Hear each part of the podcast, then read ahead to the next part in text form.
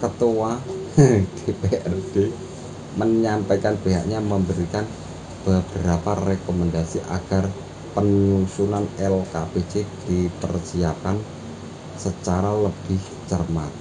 Kemudian dokumen LKPJ dengan dokumen perencanaan pembangunan daerah lainnya seperti RPJMD dan RKPD agar juga menjadi perhatian.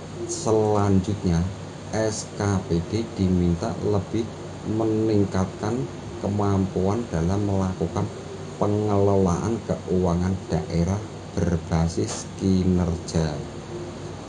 Proporsionalitas dalam penetapan plafon anggaran perlu mendapat perhatian.